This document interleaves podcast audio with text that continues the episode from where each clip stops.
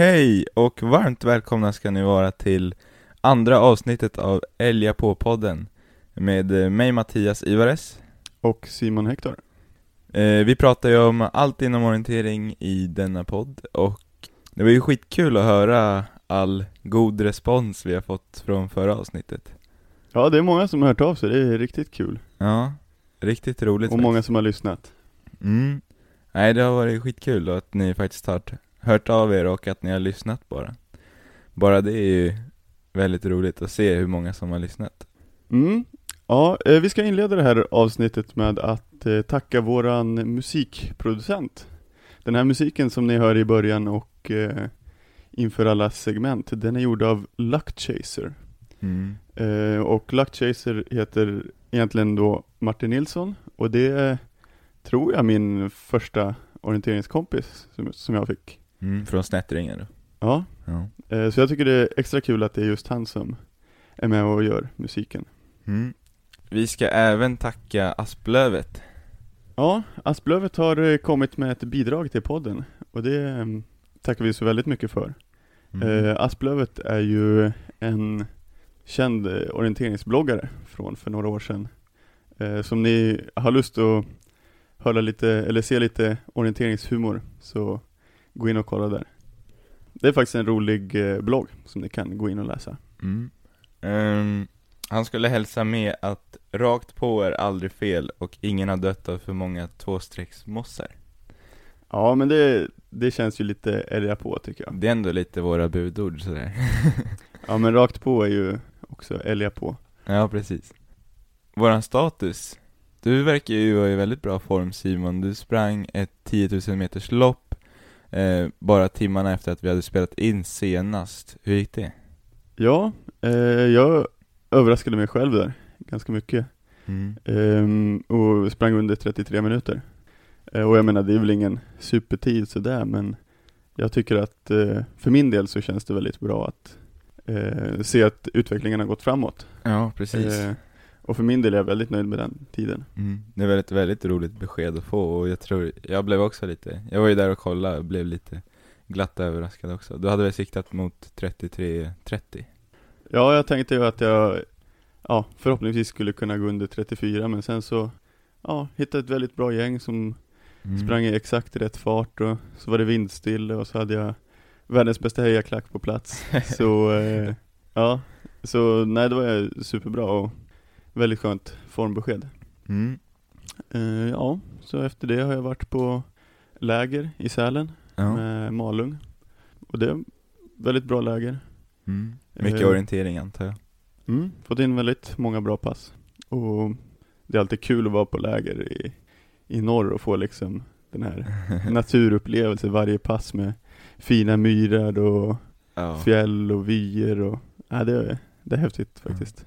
Jag har ju också varit uppe i Dalarna. Det var veckan innan du var uppe på läger i Sälen. Eh, var jag uppe i Mora med familjen då. Och det är ju väldigt fint. Men jag fick, får inte springa så mycket orientering då utan det blev mest cykel på, på de fina landsvägarna de har där. Mm. Men det är inte helt fel det heller. Nej, det är det ju inte. Även om det är roligare att springa. Jo, så är det ju. När tror du att du kommer kunna vara tillbaka och springa nu då? Ja, orientering eh, vet jag faktiskt inte riktigt, men eh, jag är tillbaka och eh, springer lite på hårdare underlag. Jag har ju känt av att i det här riktigt mjuka liksom, så känner jag av benet fortfarande. Så det tyder ju på att det är en muskel som blir lite ansträngd om det är för tungt. Och det här är på smalbenet då som du har problem med? Mm, ja, precis. Eh, men jag har nyligen fått eh, eh, gjort röntgen på det och eh, väntat och väntat på röntgensvar, inte fått något. Men så tänkte jag, eller så fick jag frågan, men hur känns det då? Ja, nu, så sa jag att ja, men det känns ju bra ändå liksom. Så då var det såhär, ja men vad fan, vad väntar jag på liksom? Jag kan ändå vara ute och jogga lite då och då. Så nu har jag ändå kört, var tredje dag har jag kört lite lätt jogg för ungefär fem kilometer. Det är nog ett bra sätt att bygga upp så att du kan börja med mer löpning sen när du liksom blir helt säker på att det här är inte någonting farligt. Ja, precis. Så att man inte tappar de där uppbyggningsfasen, för det är den som tar tid. Ja det är det, varje gång man har fått en skada så är det viktigt att man börjar att bygga upp lite långsammare så att man inte drar på direkt med, med tuffa pass. Precis. Så det har ju blivit, ja, mest cykling då, och två löppass. Så det har Mm. varit kul i alla fall. Men eh, du har ägnat Skönt dig att vara igång lite grann igen. Ja, precis. Man får lite motivation mellan de där cykelpassen. Mm. Men eh, för mig, för dig har det blivit mest eh, löpning i alla fall. Och orientering. Ja, nu när jag var på läger så ehm, blev det ju ganska mycket löpning och orientering då.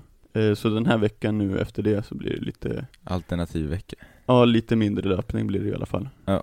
Så det tror jag är ganska viktigt att nu när det blev en vecka med lite, liksom ökade lite mer än vad jag har, har gjort annars. Ja. Så tror jag det är viktigt att man inte ökar till nästa vecka igen utan man kanske snarare går ner lite grann.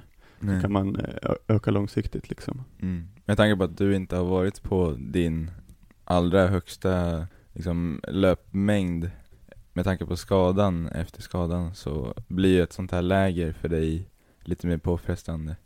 Exakt, jag var ju skadad med stressfraktur i vintras. Men det är otroligt kul alltså, jag sprang ju, ja, inte två pass varje dag gjorde jag inte, men eh, flera dagar som jag körde två pass, så det känns inga problem och det är otroligt skönt att känna den känslan. Ja. ja, det var lite kort om våran status. Ja, och det ser ut som att det kommer bli en del tävlingar nu framöver också.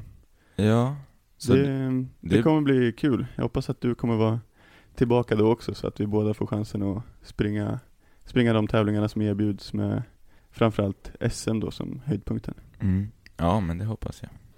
Eh, I dagens tema, ämne, så ska vi prata om eh, återkommande snack som vi kommer ha i den här podden och eh, det är då om vilken träning som är bra och utvecklande eh, för en orienterare.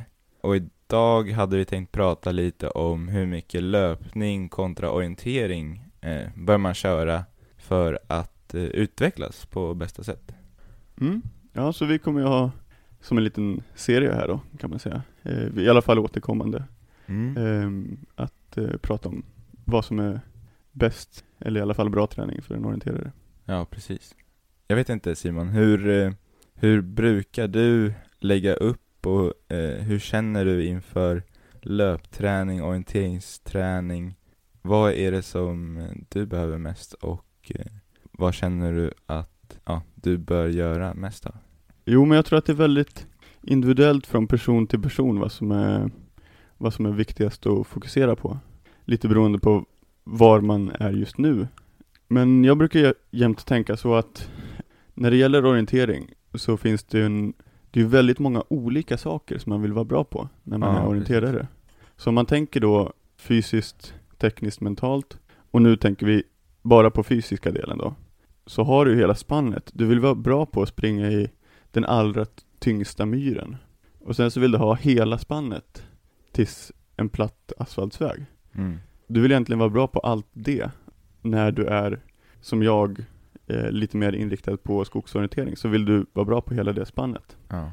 Och så är man sprintorienterad då, då är det ännu lite mer liksom hårdare underlag Ja. eh, och kanske lite start och stopp och sånt som man Ja, också vill vara bra på. ja.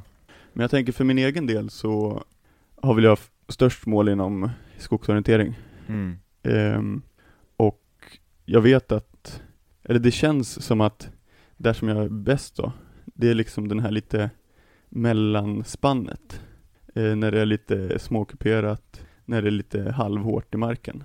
Mm. Ungefär som det är här i Stockholm. Ja, precis. Medan jag har kanske en del att förbättra i myrar och backar. Eh, Ja. Och även ganska mycket på hårt underlag. Jag menar, jag är jättenöjd med den här tiden som jag gjorde på under 33 minuter på 10 kilometer, men jag vet att det finns ju en hel del som gör liksom under 30 Ja, av mina precis. konkurrenter. Ja. Och det är ju väldigt mycket tid. på en eh, liksom vägsträcka om det skulle komma in i, ja, på en bana på, ja, vilken tävling som helst egentligen. Ja, exakt. Ja, vi pratade ju lite om det där också, att det man tränar är ju det man blir bra på. Och det gäller ju att hitta en balans i vad, först fråga sig vad man vill vara bra på.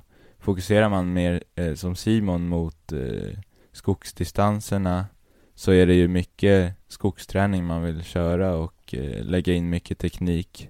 Fokuserar man mer mot eh, sprint så blir det ju mer att man tränar mot det hållet. Men det finns ju ändå en, eh, ja för oss som tävlar hela säsongen eh, så blir det ju att det blir väldigt varierande tävlingar under en hel säsong och då vill man ju ha hela spannet som du säger. Och då gäller det att träna på allt, allt som orientering innebär. Ja, sen, sen brukar jag också tänka så, om man har en specifik tävling som man eh, vill vara bra på, Mm. eh, så säger jag att det skulle vara eh, VM nästa år då. Eh, då vill man, vill man vara bra på att springa i väldigt branta backar, som kanske är, ja, säg en till två minuters backar, som är extremt branta. Och sen kan det vara ganska platt där ovanpå. Mm. Eh, och så kan det bli, ja, lite hårdare underlag bitvis, kanske lite grusväg och stig. Och då kanske det inte är det mest optimala att köra myrintervaller. Nej. Eh, för det kommer inte bli så mycket där, troligen. Mm. Ja. Medan kanske om du vill vara bra på eh, Jukkola nästa år, då kanske du ska köra ganska mycket myr. ja. Eh, för det såg ut att vara en del myrar på den. Så jag tror att även där kan man tänka på vad, vilken tävling just som, och, och då kan det vara enklare också att motivera sig till att köra just det passet. ja. Så man kör, det här passet kör jag just för den här tävlingen. Att jag Mm. vill vara bra på den här tävlingen.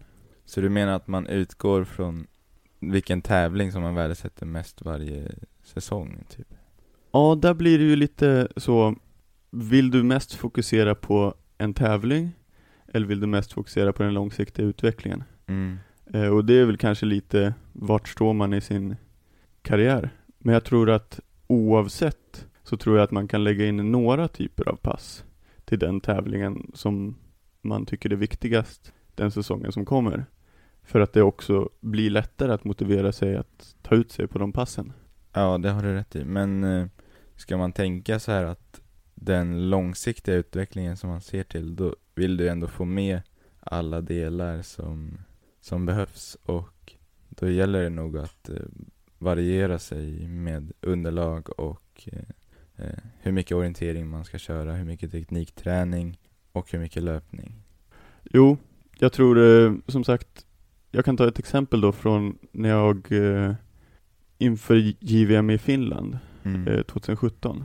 Eh, då var det ju mest liksom fokus på att utvecklas. Men jag la, jag la till vissa typer av pass som jag trodde skulle vara viktiga i den terrängen. Så till exempel hade jag en intervallrunda som gick precis här utanför fönstret där vi sitter just nu, hemma hos mig. Mm. Eh, som var liksom först ja, 40 sekunder backe på asfalt och sen 30 sekunder backe i skog och sen så var det lite platt där uppe och sen så var det nerför igen. Ja. Eh, och det var någonting som vi hade pratat mycket om i juniorlandslaget då att det skulle vara viktigt att kunna pressa på upp för en backe och sen behålla farten där uppe och sen så även behålla farten i nedförsbacke. Eh, så då skapade jag en speciell sån runda Mm. Eh, och det motiverade ju mig extra mycket att just på de passen så visste jag att det här, det här är ett given pass liksom. Mm. Eh, och det här, det här kan man göra på vilken nivå som helst och tänka att det här är, det här är ett pass för DM eller det här är ett pass för O-ringen. Mm. Ja, Eh. precis. Eh, och det kan ju, man ska ju inte tänka att det bara ger någonting till de här tävlingarna heller, utan det ger ju faktiskt någonting i längden också. Absolut. Ja, jag lyssnade på ett ganska intressant podcast med Olof Lundanäs och då eh, sa han att han kör nästan bara skog och stig. Eh, men han lägger även in ungefär två pass i veckan på grusväg. Mm. Som är Eh. mer löpbetonande. Ja, exakt. Ja. Eh, så jag tror att oavsett så måste du nog köra viss del av liksom bara löpträning på hårdare underlag. Mm. För när man ser att till och med en sån som kör nästan bara skog, som Olav, Ja. eh, även kör lite grusväg. Mm. Jag tror det blir, när man kör liksom lite plattare grus, grusväg eller ja, vad som helst, så blir det lättare att kontrollera vart, vart man vill ligga fysiskt på passet också. Mm, och jag tror att de passen kan ge en del också för löpsteget. Mm. Eh, för att man liksom, ja, när du springer i skogen så vill du vara bra på att variera steglängden. Mm. Och det blir det ju om du springer mycket i skogen. Ja. Men det kan även vara en bra idé att liksom jobba på det här löpsteget på mer lättlöpta underlag. Ja. Eh, och då tror jag att det är bra att springa lite på hårdare underlag som grusväg. Mm. Eh, Ja, det är ju att- sånt som kommer in i, på banorna också. Vi såg ju bara, bara VM förra året eh, med Kasper Fosser som vann långsträckan där genom att springa runt på väg väldigt långt. Ja, det var väl de bästa vägvalen på VM förra året var väl tre eller fyra kilometer väg liksom. Ja, precis. Och då, då finns det ju liksom en, en aspekt som säger att man måste träna på det också. När det även kan komma på ett sånt lopp som VM. Ja, exakt, verkligen. Och vi vet ju att, ja, Kasper Fosser som vann den sträckan, han, är, han tränar ju väldigt mycket löpning och är, han är ju duktig liksom löpare. Eh, Så det, det är ju en sån, en sån som han tjänar ju på något sånt, medans kanske, ja, du Simon som är lite mer eh, skogsstark, kanske in, inte kan välja ett sånt vägval för att du vet att för dig själv så springer du långsammare runt, men du vet ka- kanske att skulle jag vara lite snabbare på väg så skulle det ha varit det snabbaste alternativet. Ja, men det skulle kunna vara till exempel att det är en sån typ av sträcka då. Mm. Eh, och så vet jag att om jag springer rakt på så är jag en minut efter. Om jag springer runt på vägen så tappar jag liksom en och en halv minut bara i löpningen. Ja. Eh, och då, då vill jag ju liksom förbättra min löpning så att jag kan ta det vägvalet också. ja, precis. Så jag tror att även om man tänker så här, jag är den typen av löpare som, som är bättre i skog Mm. eh, och för mig lönar det sig att gå rakt på. Mm. Så om man tränar upp den andra delen till eh, fysiskt att springa på väg så kan Mm. man ju välja det vägvalet då nästa gång. Ja. ja, jag tänker så här att ens tekniska förmåga och en fysiska förmåga korrelerar ju alltid så att man, man vill ju ha dem på ungefär samma nivå så att du kan ta ut dig på rätt sätt och ändå hänga med orienteringsmässigt och på samma sätt så vill man ju att ens stig och väglöpning ska vara på samma nivå. Jag vet inte riktigt eh, om det är rätt tänkt men eh, så tänker jag i alla fall att man vill ju ha valmöjligheterna och känna att man faktiskt kan ja, hänga med både på väg och i skogen. Mm. Ja men det är intressant det där du säger också med att du, du vill att din fysiska och tekniska förmåga ska vara lika bra liksom. Mm. Eh, jag vet att det finns, om vi är inne på Kasper Fosse då, Ja.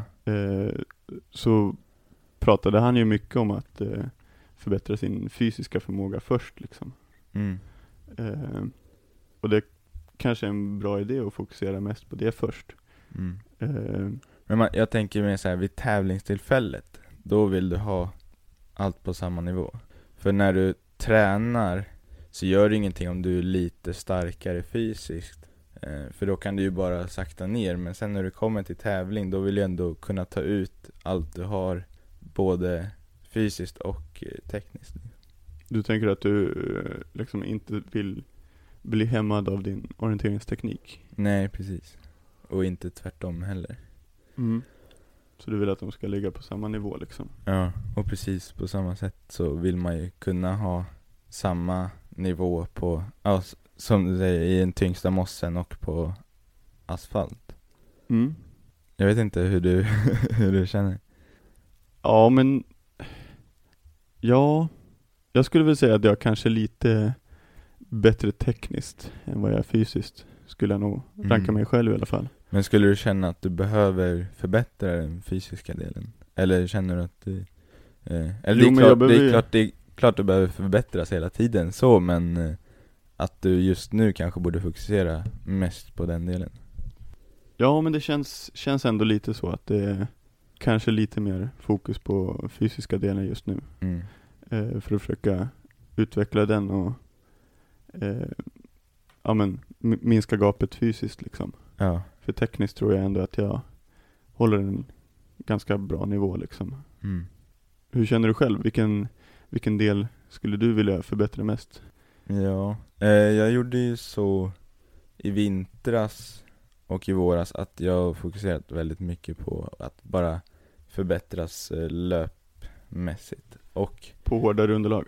ja, hårdare underlag men även försöka lägga in de här passen som ändå ja, motsvarar det man möts på orientering. Kanske försöka lägga mycket av löppassen i lite mer kuperad eh, stig eller grusväg. Många motionsspår har man ju som, eh, som går ganska mycket upp och ner och det tror jag att man lönas av sen när man ska orientera. Eh, så jag har försökt blanda den, ja, liksom underlag och kupering sådär för att det ändå ska vara relevant sen när man eh, går över till orienteringen. Ja, för jag tror att springa bara bana liksom, det är ju inte Det, det är inte så ofta en, en orienteringsbana går på helt platt Nej, precis. eh, asfalt liksom eh, Nej. Det är ganska sällan på en skogsorientering i alla fall Mm, precis. Och sen tror jag även om, när, om man är, satsar på sprint Att eh, då är det inte bara 5000 meter bana du vill vara bra på utan du vill även vara bra på det här accelerera, start och stopp Ja. eh, och sådär. Så jag tror att det är viktigt att tänka efter vad, vad behövs i min, ja, det jag vill vara bra på Ja. eh, och bryta ner det liksom. Vad, eh, vilka delar kan jag jobba på? Och så jobba på delarna var för sig. Mm. Eh, så till exempel som eh, Olav snackade också om det där att eh, han springer ganska mycket ja, intervaller i skog slash stig. Eh, där han jobbar liksom på bara det fysiska momentet på en orienteringsbana. Och sen så till nästa pass då försöker han sätta ihop det med, med orienteringen då. Ja. Så att han eh, även kör fysiska pass i skog utan karta. Ja, vi ska ju få in en intressant gäst på det här, eh, Jonas Leandersson, som har varit väldigt duktig på både orienteringen i, ja, både skog och eh, snabbsprint. Mm. Vi får se vad, se vad han har att säga om det här. Ja, eh, vi tar in honom här.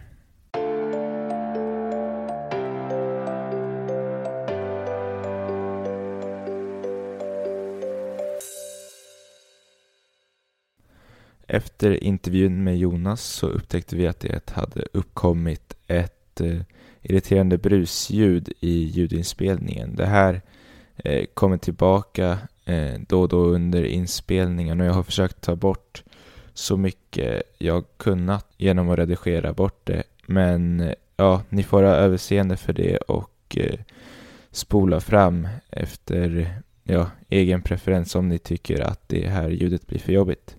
Vi beklagar verkligen detta och eh, ja, hoppas att det ska gå att lyssna ändå. Men här kommer intervjun med Jonas Leandersson i alla fall. Yes, då sitter vi här med Jonas Leandersson, en av eh, Sveriges mest framgångsrika orienterare de senaste åren med, om vi tar det lite kort, eh, ett individuellt sprintguld på VM, ett stafettguld, två sprintstafettguld på VM eh, och tre EM-guld. Det här är imponerande facit. Eh, ja, tack. Eh, jo, men det, det har varit eh, några framgångsrika mästerskap eh, bakåt de här åren som jag satsade. Så att, jag är lyckligt lottad som har fått, fått med mig några medaljer på vägen också. Så att, det är en fin, fin skara resultat. Verkligen. Hur är läget just nu? Ja, men det är bra. Det är bra. Eh, har semester, så då kan man ju inte klaga. Eh, så så att det, det är väl helt perfekt e- egentligen. Eh, eh, ska väl eh, semestra i, i Sverige som många andra eh, och passa på att njuta av lite ledighet. Så att, eh, jag hoppas att eh, vädret kanske blir lite bättre. Men eh, eh, annars så tycker jag det är alldeles på topp. Eh, och ni ska upp till fjällen har jag hört. Ja, precis. Vi får se vart eh, resan tar oss, men eh, norröver ska vi, så får vi se vart vi hamnar. Kul. Det finns ju otroligt mycket fint att upptäcka. Absolut. Eh, jag skulle säga att svenska fjällen är väl för oss löpare bättre på, på, på sommaren än på, på vintern. Många uppskattar skidåkningen men det är, det är ta mig tusan nästan vackrare på sommaren skulle jag säga. Ja, det håller jag faktiskt med. Mm. Ja, du avslutade ju din elitkarriär inom orientering i slutet av 2018. Eh, men sedan dess har du faktiskt förbättrat eh, dina löptider. Eh, jag har sett att du har kallat dig själv för elitmotionär. Kallar du dig fortfarande för det idag fast du har till och med förbättrat dina löptider? Ja, alltså det där är ju vad man själv definierar det som skulle jag säga. Det var som är motionär och elit och, och så vidare. För mig så handlar det ju liksom elitdelen, allt det handlar för mig om att göra allting så optimerat som möjligt för att eh, prestera helt enkelt resultat. Och ska jag vara ärlig så just nu så är det absolut jag presterar det jättebra resultat men det är mycket tack vare av att jag har just satsat så många år bakom mig. Eh, och att jag fortfarande kan springa väldigt, väldigt mycket men just nu jobbar jag som sagt heltid och det är det som går i första hand så att det är ju så att löpningen kommer i andra hand eh, helt och hållet. Eh, jag springer ju egentligen, ja de, de som ser vad jag springer om de följer mig på Strava ser ju att jag springer i stort sett nästan bara till och från jobbet. Eh, och kryddar det med lite pass runt omkring någon gång, några gånger i veckan. Så att det är ingen glamorös liksom, löparträning just så. Och kanske inte helt, eh, framförallt inte optimalt om jag skulle verkligen vilja, vilja prestera mina bästa tider som jag någonsin skulle kunna göra. Så skulle jag inte göra på det här sättet. Liksom. Eh, så då tycker jag att då kan jag, då kan jag mina, mina eh, ögon mest liksom, kalla det liksom, elitmotionär på något sätt. Ja, jag tycker det är inspirerande att se att du gör så bra tider eh, ändå. Vad har du för... Ja, mångt, mångt och mycket handlar om som sagt att jag har ju sprungit så pass mycket och tränat så pass seriöst och det gör jag fortfarande. Passen är fortfarande seriösa men eh, det skillnaden nu är att jag springer ingen orientering i stort sett alls. Då får jag det specifika, alltså jag får det, det specifika jag behöver för att kunna därigenom faktiskt prestera lite bättre än vad jag gjort tidigare. Alltså numera är det bara eh, löpträning då, inte, inte någon orientering alls eller? Ja, jag skulle nog kunna säga så. Jag kan räkna på mina fingrar hur många orienteringspass jag gjort det senaste året. Så det är väldigt få. Eh, så. Sen jag har jag märkt att jag ibland kan faktiskt ha ett positivt inslag av att kanske köra något distanspass på stig eller liksom så. För, för eh, det, ja, jag har noterat väldigt snabbt hur, hur, fort man anpassar kroppen för, för det man tränar på. Eh, ger jag mig ut i skogen nu så, så känner jag mig väldigt, väldigt eh, motionärsaktig. jag ska ta mig fram i, ta mig fram i skogen. Eh, så det är till och med ganska o, obekvämt att ge sig ut i skogen just nu eh, och springa. Mm. Så att eh, det, det, går väldigt fort för kroppen att anpassa sig till att ja, helt enkelt optimera eh, eh, ja, det jag tränar för att anpassa kroppen för att tåla det. Och så fort du lämnar skogen så, så, så känner kroppen att det inte är nödvändigt riktigt att ha, ha kvar den funktionsnivån helt enkelt. Så då, då går det fort. Mm. Ja, och blir lite sämre. Men du har ju kört några orienteringspass i fart har jag sett ändå. Um, mm. Hur har det liksom känts på dem när du har haft egentligen bara löpträning i benen? Alltså rent liksom muskulärt så på ett pass så är det ganska lugnt för du är ganska utvilad i, i skogsmusklerna eller vad man ska säga. Eh, det blir värre om du ska köra flera pass i rad. Då är det fruktansvärt sliten. Eh, sen mm. så är ju det svåra som jag har upplevt är att jag har ju tappat helt den här känslan av att läsa kartan och veta var jag sätter fötterna. För när jag springer vanligt liksom på asfalt och stig och så, så då sätter du bara ner fötterna. Eh, så. Och det gör du ju när du är som bäst i skogen också. Men den tryggheten försvinner ganska snabbt har jag märkt. Eh, så det blir lite stappligt. Och framförallt då när jag har en karta i handen och ska läsa den så det blir lite tillbaka till rutinerna. Eh, stanna och läsa kartan i början lite mer eh, än vad man gjorde när man var som allra bäst. Men eh, efter ett tag, några kontroller, så kommer man ju in i det ganska fort också. Man känner att, eller jag känner att jag börjar hitta rytmen. Så till exempel när jag sprang O-ringen förra året så kände jag att jag växte för varje dag. Eh, så, så det kommer ju tillbaka snabbt ändå. Mm. Men eh, på ett pass så där, då känner man eller har jag känt i alla fall att, att det har varit ganska jobbigt i, i början men på slutet av, av loppet har det väl gått bättre. Det låter som att eh, du vänjer dig ganska fort om, eh, om eh, det känns mycket bättre liksom i slutet av passet än i början. Ja, jo. Kroppen men anpassar sig rätt fort. Ja, det, det, där är det ju inte egentligen så mycket kroppen, utan där är det ju mer mina rutiner att liksom springa och titta och ta in information på kartan så pass snabbt. Liksom. Det, det är det som, som blir. Jag kommer ihåg att vi körde en 10 mila träning i höstas och så, så skulle vi jogga till starten och sen så eh, på en liten stig och så var det en stor sten bredvid stigen. Jag tänkte den här måste ju vara med på kartan. Och så sprang jag och tittade och så bara, jag ser inte stenen på kartan. Eh, Så fick jag stanna och titta, ja men det är ju en sten bredvid stigen. Ja. Så, så det var ju, det var ju liksom verkligen på den nivån att det var, det var bara orutin i att springa och läsa samtidigt. Och sen, sen så kommer du in i det ganska bra ändå. Det, jag, ändå- jag har ändå gjort det ganska, ganska många gånger i mitt liv innan så det, är, det är inte borta. nej, nej exakt, du har ju det i muskelminnet ändå liksom. Ja. Ja, det behöver bara få väckas till liv. Mm. Ja, i, i det här em, avsnittet så pratade vi ju om eh, hur mycket orientering eh, kontra löpning man borde köra för att utvecklas som orienterare. Om vi tar liksom hur mycket orientering slash löpning slash skogslöpning körde du eh, under din elitkarriär? Det varierade nog ganska mycket skulle jag säga. Eh, när jag var junior så skulle jag säga att då tränade jag mycket mindre totalt sett och jag hade lite mer benägenhet att åka ut för, råka ut för skador och sådär så att jag körde mer alternativt eh, en period också. Och då blev det ganska mycket ändå med karta eh, eller i alla fall högintensivt också, eh, där jag sprang. Allt eftersom under karriären så har ju det förändrat sig och jag har ju börjat, började ju tåla att springa mycket mer. Och sen så närmar jag väl mig nästan den där eh, ja, klassiska fördelningen där relativt lite är högintensivt och ganska mycket är lågintensivt.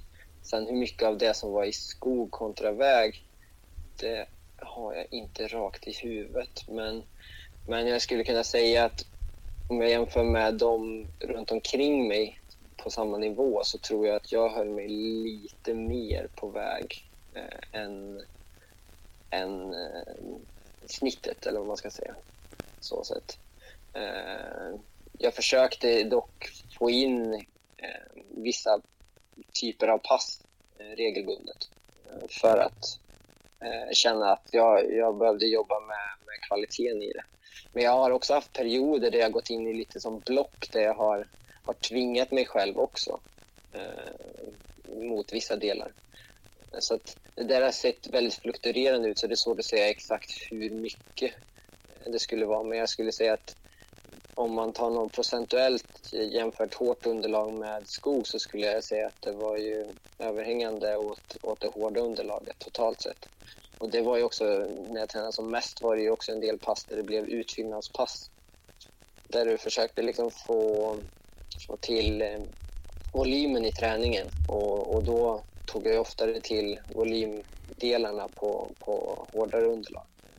Fanns det någon Så- speciell tanke med det eller var det, var det liksom för att du framförallt ville satsa på sprint eller var det mest för att det var det enklaste att genomföra Mm. eller vad skulle du säga? Det är nog en kombination. Dels är det ju för att jag har satsat på sprint hela tiden. Så att det har ju varit ganska naturligt och jag har alltid gillat att springa på hårt underlag. liksom Så, så det har ju varit den enkla vägen att, att göra det så. Sen så tycker jag också att det sliter mindre på kroppen. Eh, rent så. Så att om jag skulle vilja få upp volymen utan att det ska slita för mycket om jag vill till exempel jobba med vissa kvalitetsbitar också så har jag ju tyckt att det har varit ett bra sätt att att komplettera eh, med för att behålla kvaliteten på det andra helt enkelt. Eh, Blir det för mycket eh, skog, och skog kan ju vara väldigt skiftande, det kan ju vara snäll stig liksom så eller riktigt tung terräng. Eh, Och jag vet inte om ni håller med, men det kan ju verkligen te sig olika hur man reagerar efter sådana pass. Eh, Men det jag försöker göra om jag har varit ute i skogen på även sådana pass då har jag verkligen försökt hålla nere tempot. Eh, eller ja, liksom eh, jobba med, med, med att, att försöka se det passets syfte verkligen eh, från, från början. Är det ett lugnt pass så ska det vara lugnt pass för att jag ska kunna behålla kvaliteten på de andra passen under veckan. Samtidigt så har jag också i vissa block då snarare varit så att jag verkligen prioriterat kvaliteten i skogen, att kunna springa fort Eh, i skogen och, och hellre då sparat vissa skogspass för att behålla en form av fräschhet eh, när jag väl ska ut och, och köra ett högintensivt pass i skogen. Så att jag tror att jag har mer tittat på, på de bitarna när jag försökt tänka fördelningen än att jag tänkt att det ska vara si och så här mycket eh, exakt eh, väg kontra skog, utan då har jag mer tittat på ja, men vad, är, vad är syftena med passen intensitetsmässigt, hur mycket sliter de, eh, vad, vad, framförallt vad satsar jag mot just nu. Eh, liksom så. Eh, så. Har det varit skillnad beroende på vilket VM som har kommit eller, eh, eller så? Ja, ja absolut. Eh, under vintern skulle jag säga att det är ganska lika och oavsett, för då, då har jag alltid försökt liksom förbereda mig för en lång säsong på alla distanser. Och under åren, kan vi säga 2012 och fram till 2016, då la jag väldigt mycket fokus på att försöka ta mig ut i skogen, för det var lite, lite min, min utmaning att ibland var jag lite för bekväm, att jag behövde verkligen ta mig ut i skogen och bara, bara köra där. Liksom. Så. Och och istället för att lägga fokus på den veckans intervallpass, för det kom jag ut på ändå, så, så var det verkligen att säkerställa att jag behövde komma ut på kanske ett lugnare distanspass i skogen. Liksom så. Och, och, efter ett tag så märker man att så, sådana liksom saker, när man gör det kontinuerligt, då, då, då lär man sig också att, att eh, genomföra det framåt. Det blir lättare. Liksom. Så att, eh, jag har just försökt styra det på vintern mot att försöka bygga en grund och sen så, som du sa då, beroende på vad jag siktat på mot under mästerskapen och framförallt vad man kanske har blivit uttagen på på slutet har ju styrt hur träningen ju närmare jag kommer ser ut. Eh, och de gångerna när jag har sprungit bara sprint eller mest sprint så har det ju varit, då har det ju varit väldigt, väldigt mycket mer eh, hårt underlag, sista delen. Mm. Så det har varit liksom, ju närmare mästerskapet du kommer, desto mer fokus på det, även träningsmässigt. Mm. Ja, du, du, har inte liksom och... liksom under vintern kanske tänkt så jättemycket på eh, det mästerskapet och vad du vill träna för att vara bra eh, till mästerskapet, eller? Eh, nej, utan då har jag tänkt mer i stort liksom. Hur ska jag bli bättre som orienterare på stor, alltså totalt sett liksom. Så om jag ska göra det här flera år framåt. Eh, då har jag inte tänkt på ett specifikt mästerskap kanske framåt eh, nästa. Så. Sen har jag ju såklart i träningen kryddat det med vissa detaljer som jag kanske har lärt mig att ja, det, här, det här behövde jag förbättra från förra året. Så det kan jag ha lagt in eh, lite så för att krydda det. Men om, om du på stort ska se på träningen under vintern så var den väldigt varierad.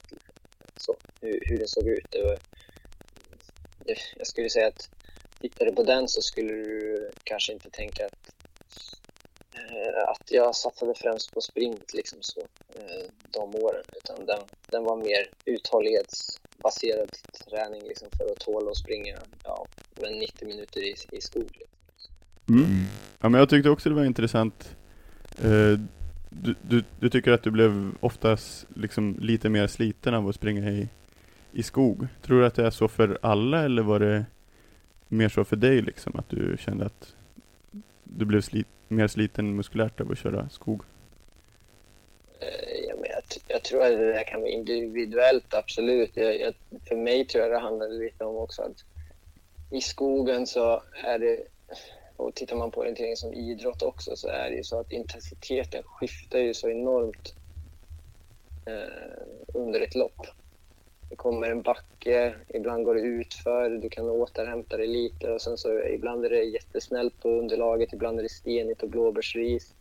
Den ena fotsättningen ser inte ut som den andra. Det, alltså det kostar mycket energi på hela kroppen att, att upprätthålla en hög hastighet helt enkelt. Mm. Spring, springer du på väg och liksom så framförallt om du tittar på det jag gjort nu sista tiden där du springer ganska monotont, liksom bara ett steg efter det andra, försöka slappna av och hålla samma höga hastighet hela tiden. Helst inte en, en meterstigning. Liksom så. Eh, det är ju det är två olika saker för mig. Eh, så, så, så att, Mm. för, för, mig, för mig var det väl framförallt att det var, det var svårt att hitta den jämnheten i skogen så att jag kunde äh, våga springa så långsamt egentligen. Eh, så att det inte slet. Ja. det är framförallt det. Och- Men det kan ju säkert vara individuellt. Eh, Det, det tror jag alldeles säkert. Som, som jag sa, en del, en del har kanske mer eh, en utmaning att verkligen få ut det de behöver på ett, ja, men ett intervallpass på hårt underlag eh, istället. Eh, så det kanske inte har varit den största utmaningen för mig eh, under, under de här åren.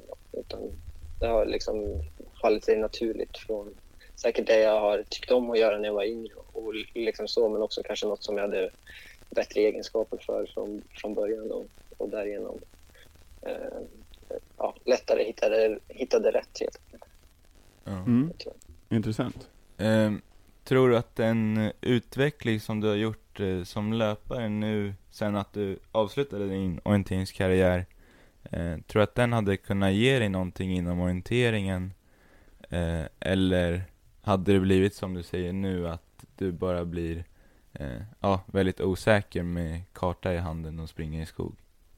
Jag tror att den, den förbättringen jag har gjort nu, eh, den, är liksom, den har jag inte så stor nytta av i orienteringen överhuvudtaget. Alltså det är på den nivån så att eh, du behöver en, en, en grund och du behöver springa snabbt. Det ser vi ju också på alla orienterare idag som springer 10 000 meter eller 10 000 meter.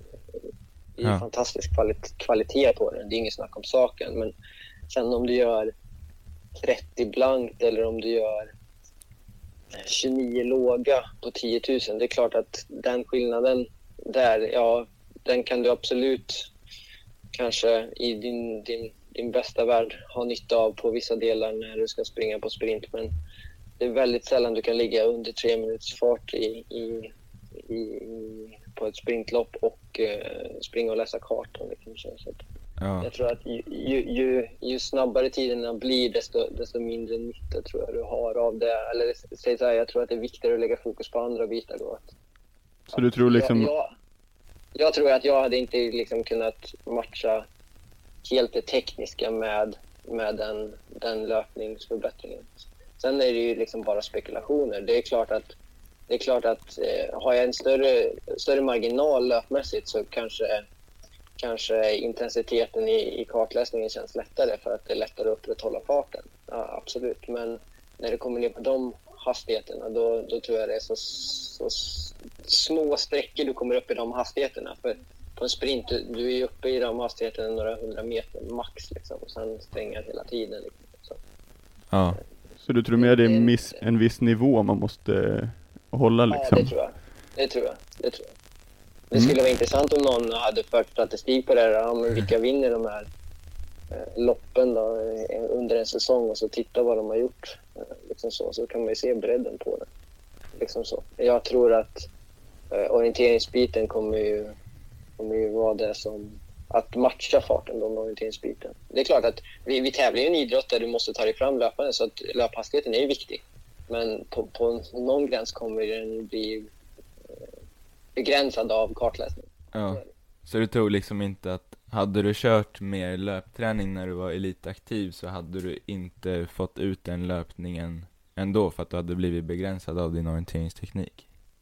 Ja, jag, jag tror det. Jag, jag hade nog hellre velat lägga ännu mer fokus på att försöka matcha det där. Liksom.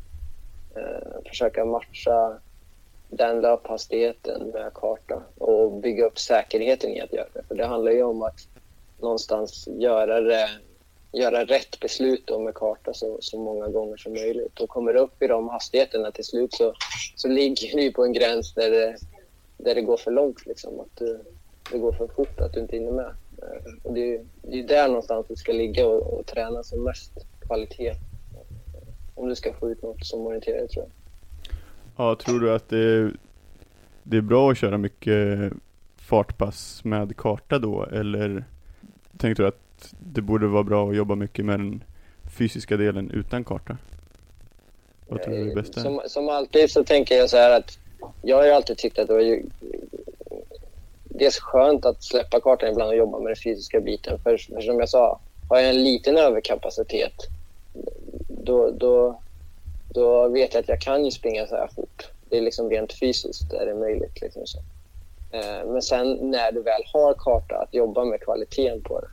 Eh, jag var väldigt... Eh, jag märkte det under åren att jag blev mer och mer benägen om att när jag väl sprang sprint så kände jag att det spelar inte så stor roll om jag springer på en sprintkarta som är lite, lite gammal. Där de har, ja, ni vet ju själva hur det är med sprintkartor, framförallt i Stockholm. Det, de är färska i några månader, sen byggs det om. Liksom. Ja. Eh, alltså att, att verkligen ha en kvalitet på det när jag sprang sprint. Då. Att försöka liksom, eh, hellre de gångerna jag sprang sprint, få få upp kvaliteten och kunna liksom verkligen ligga och pusha på den här gränsen för att träna på, på att eh, klara av att hålla kartläsningen när du kommer upp i de intensiteterna och löphastigheten som, som vi pratar om helt enkelt. Men det hade jag ju aldrig orkat göra liksom bara. Då tror jag kvaliteten hade gått ner för mig. Säg att jag, säg att jag ska springa i högintensivt tre gånger i veckan. Om jag skulle göra alla de här kartan, då tror jag att kvaliteten skulle gå, gå, liksom, gå ner eh, totalt sett. Så om jag hade ett eller två pass som var utan karta och ett med karta och sen kanske jag i, i block gick in och körde ja, men sprintdagar där jag körde kval och final samma dag.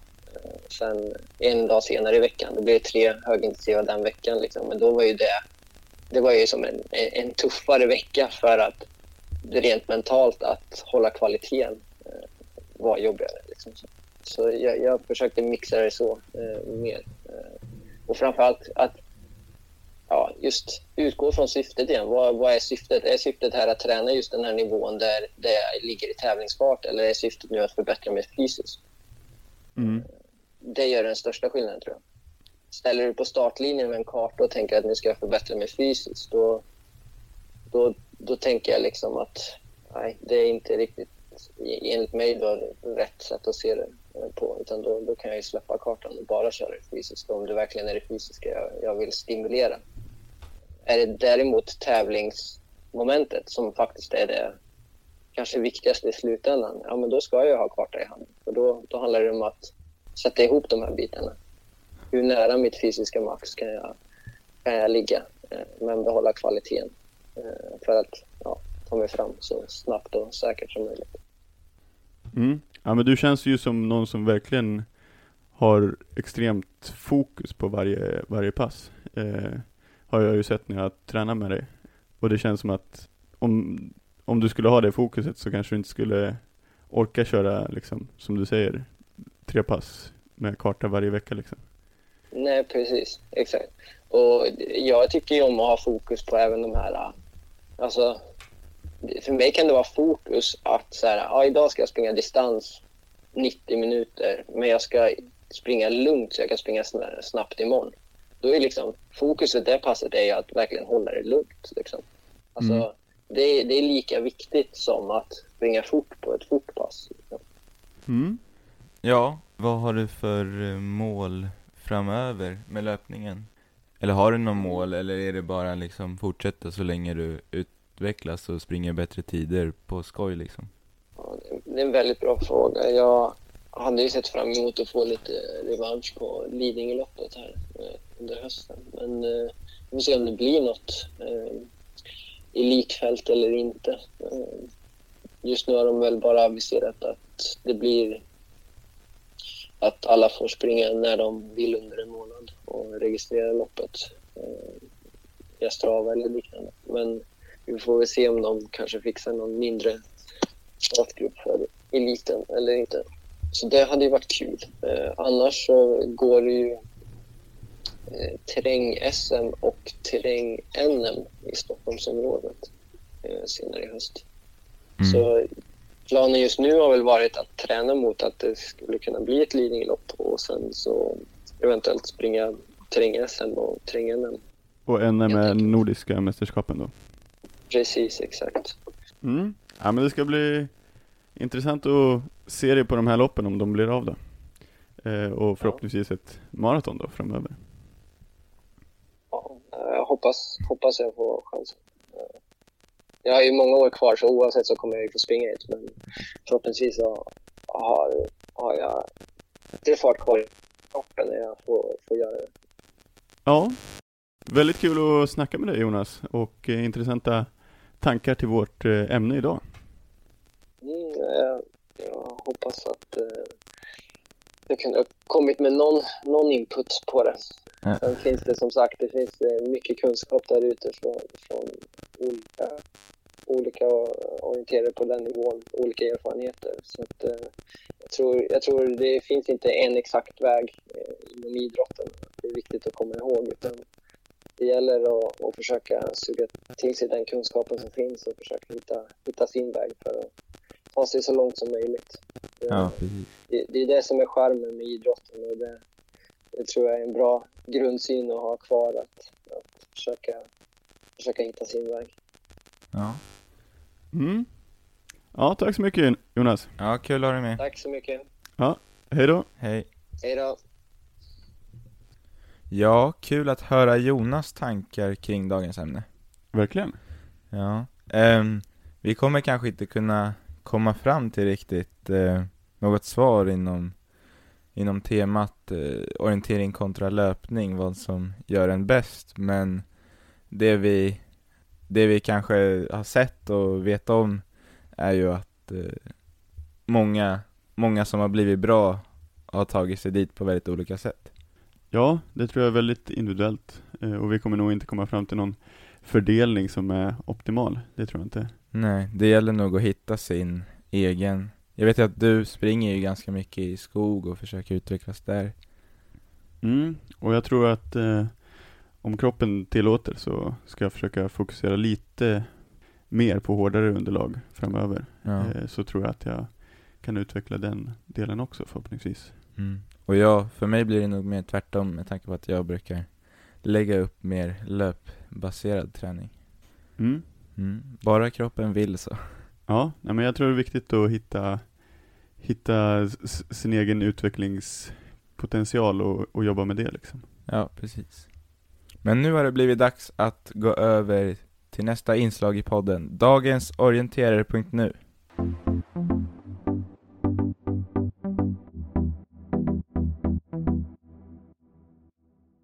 Ja, eh, och i det här inslaget som vi kallar dagens orienterare.nu eller också aktuellt så tar vi upp någonting från eh, orienteringsforumet orienterare.nu som vi diskuterar eh, samtidigt som vi diskuterar aktuella ämnen inom orienteringen.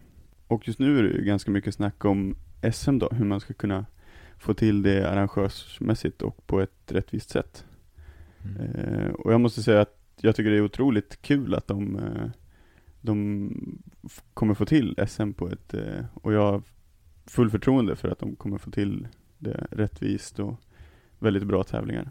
Mm, vi får hoppas på det Ja, det är kul att det blir både lång och medel i Göteborg då och sen så sprint och sprintstafett i Örebro ja. och eh, ungdoms-SM i eh, Jönköping.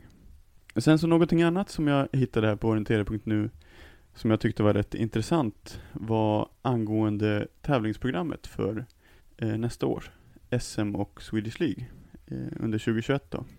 Eh, och då är det Less som tycker så här. Som vanligt visar Soft hur otroligt obrydda de är i alla som bor norr om Uppsala när man lägger fyra stycken SM-tävlingar innan valborg. Är det inte bara lika bra att ge alla som representerar en klubb i Norrland startförbud i elitklass när man ändå håller på? Ja, jag vet inte riktigt eh, vad man ska ta utav den kommentaren. Ja men han tycker väl att det borde vara, det inte borde vara några tävlingar innan snön har släppt Nej, okej. och alla haft möjlighet att springa på barmark. Ja, det är väl så, vill man hålla på med orientering på en nivå där man är eh, uppe och konkurrerar på en SM-tävling kanske det inte heller är optimalt att eh, bo där, det är, där snön inte har smält efter första maj. Ja, alltså när man, om man flyttar som orienterare eh, som satsar så är det ju väldigt viktigt att man har bra förutsättningar. Ja. Och det är ju liksom förutsättningar i träning och eh, sparring och så vidare. Mm. Men även barmark är ju någonting som, som man bör titta på. Ja, men jag Eh. kan, jag kan någonstans ändå förstå frustrationen för det är inte alla som har möjligheten att göra sina beslut enbart efter idrotten. Nej, verkligen inte. Nej, så man kan ju förstå frustrationen men ja, någonstans är det så Det går ju att hitta vägar att ändå vara framgångsrik Trots att man inte kan göra orienteringsträningen kanske som man vill Men det går ju att ja, springa på inomhushallar, löpband eh, För att få upp, eh, för att träna löpningen och sen orienteringen borde man ju ändå kunna träna i skog på något, något vis Ja, det kanske är så att eh, bor man i områden där det är mycket snö så måste man be sig ut på läger mm. på, på våren. Eh, och Ja, det precis. kanske är så att man behöver göra det om man vill vara på, på en SM-nivå liksom. Ja, det har ju vi här i Stockholm fått göra ibland också när, när det inte har erbjudits bar, barmark eh, långt in på, eller ja, i alla fall i början av våren. Så det är något alla, alla kanske har varit med om, men det är klart det blir problematiskt eh, om man bor, ju längre upp i landet man bor så att säga. Mm. Men som sagt, det är ju väldigt olika förutsättningar och det kommer det alltid vara. Eh, det kommer ju alltid vara någon som tycker att det är orättvist liksom av kanske någon annan anledning. Ja, precis. Och det kommer nog alltid vara så oavsett vilka, ja hur mycket man anpassar till det liksom. Ja. Ja, och sen nästa år lär det ju bli mycket tävlingar också som de kommer vilja genomföra under hela året och då har de väl hittat den lösningen att SM-tävlingarna, i alla fall de fyra, får gå på våren. Mm. Det är ju någonting annat som är rätt intressant, att det kommer bli, vad ska man säga, det är ganska mycket grejer som har flyttats. Mm. Ehm, Så det kommer bli mycket tävlingar nästa år. Ja, det blir intressant vart de klämmer in allt. Ja, vi får hoppas att eh, det, det inte bara slängs in för mycket hela tiden liksom, utan att det ändå finns lite luft så att det finns möjlighet för att Nej. träna och utveckla sig också. Ja. Och inte bara åka på Eh, eh, tävlingar när man ska vara i form hela tiden. ja, men det kan man ju avgöra själv också lite. Ja, exakt. Ja, eh, har du något mer att tillägga om kommentaren eller om, om SM-tävlingarna generellt? Nej, jag tror att det är mm, som sagt intressant kommentar och kanske någonting man kan diskutera. Men eh, jag tror ändå att det är ett upplägg som, som kommer fortsätta för att ja, man får lite grann skapa sina egna förutsättningar för att lyckas på SM-tävlingarna. Ja, jag tror inte att det är någonting som har undgått eh, stoff när de har lagt in SM-tävlingarna heller. Det är ju säkert någonting man faktiskt överväger när man planerar tävlingarna, att det ska bli så rättvist för alla som möjligt. Mm. Annars, ja, annars vore det lite fel. Men, ja, det är väl den lösning de har hittat eh, till nästa år. Så vi får lita på den.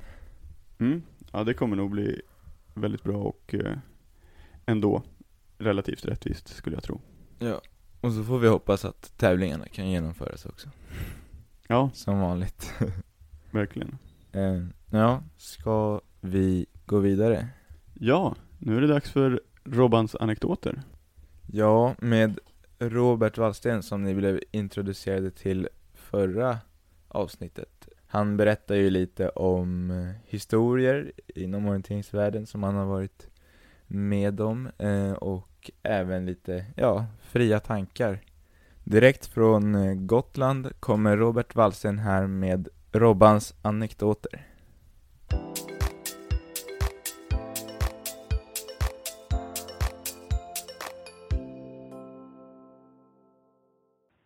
Jaha, det har gått några veckor.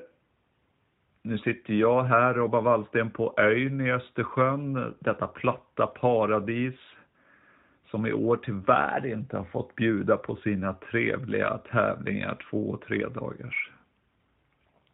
Det här med träning är intressant tycker jag. Eh, just nu florerar ju extremt mycket begrepp och träningsmetoder och så har det ju varit historiskt också. Det har funnits liksom någon form av så här, ja, tema att på 80-talet så, så var det mängd, mängd, mängd och just nu florerar ju de här begreppen som eh, dubbeltröskel, eh, CV-pass. Eh, vi hade några år sedan så var det fyra gånger fyra norska intervaller och så vidare och, och det här är inte lätt på något sätt som eh, aktiv att eh, bemästra eller bemöta eller förstå och, och jag tror att många ibland blir eh, förvirrade i denna djungel av begrepp och träningsmetoder.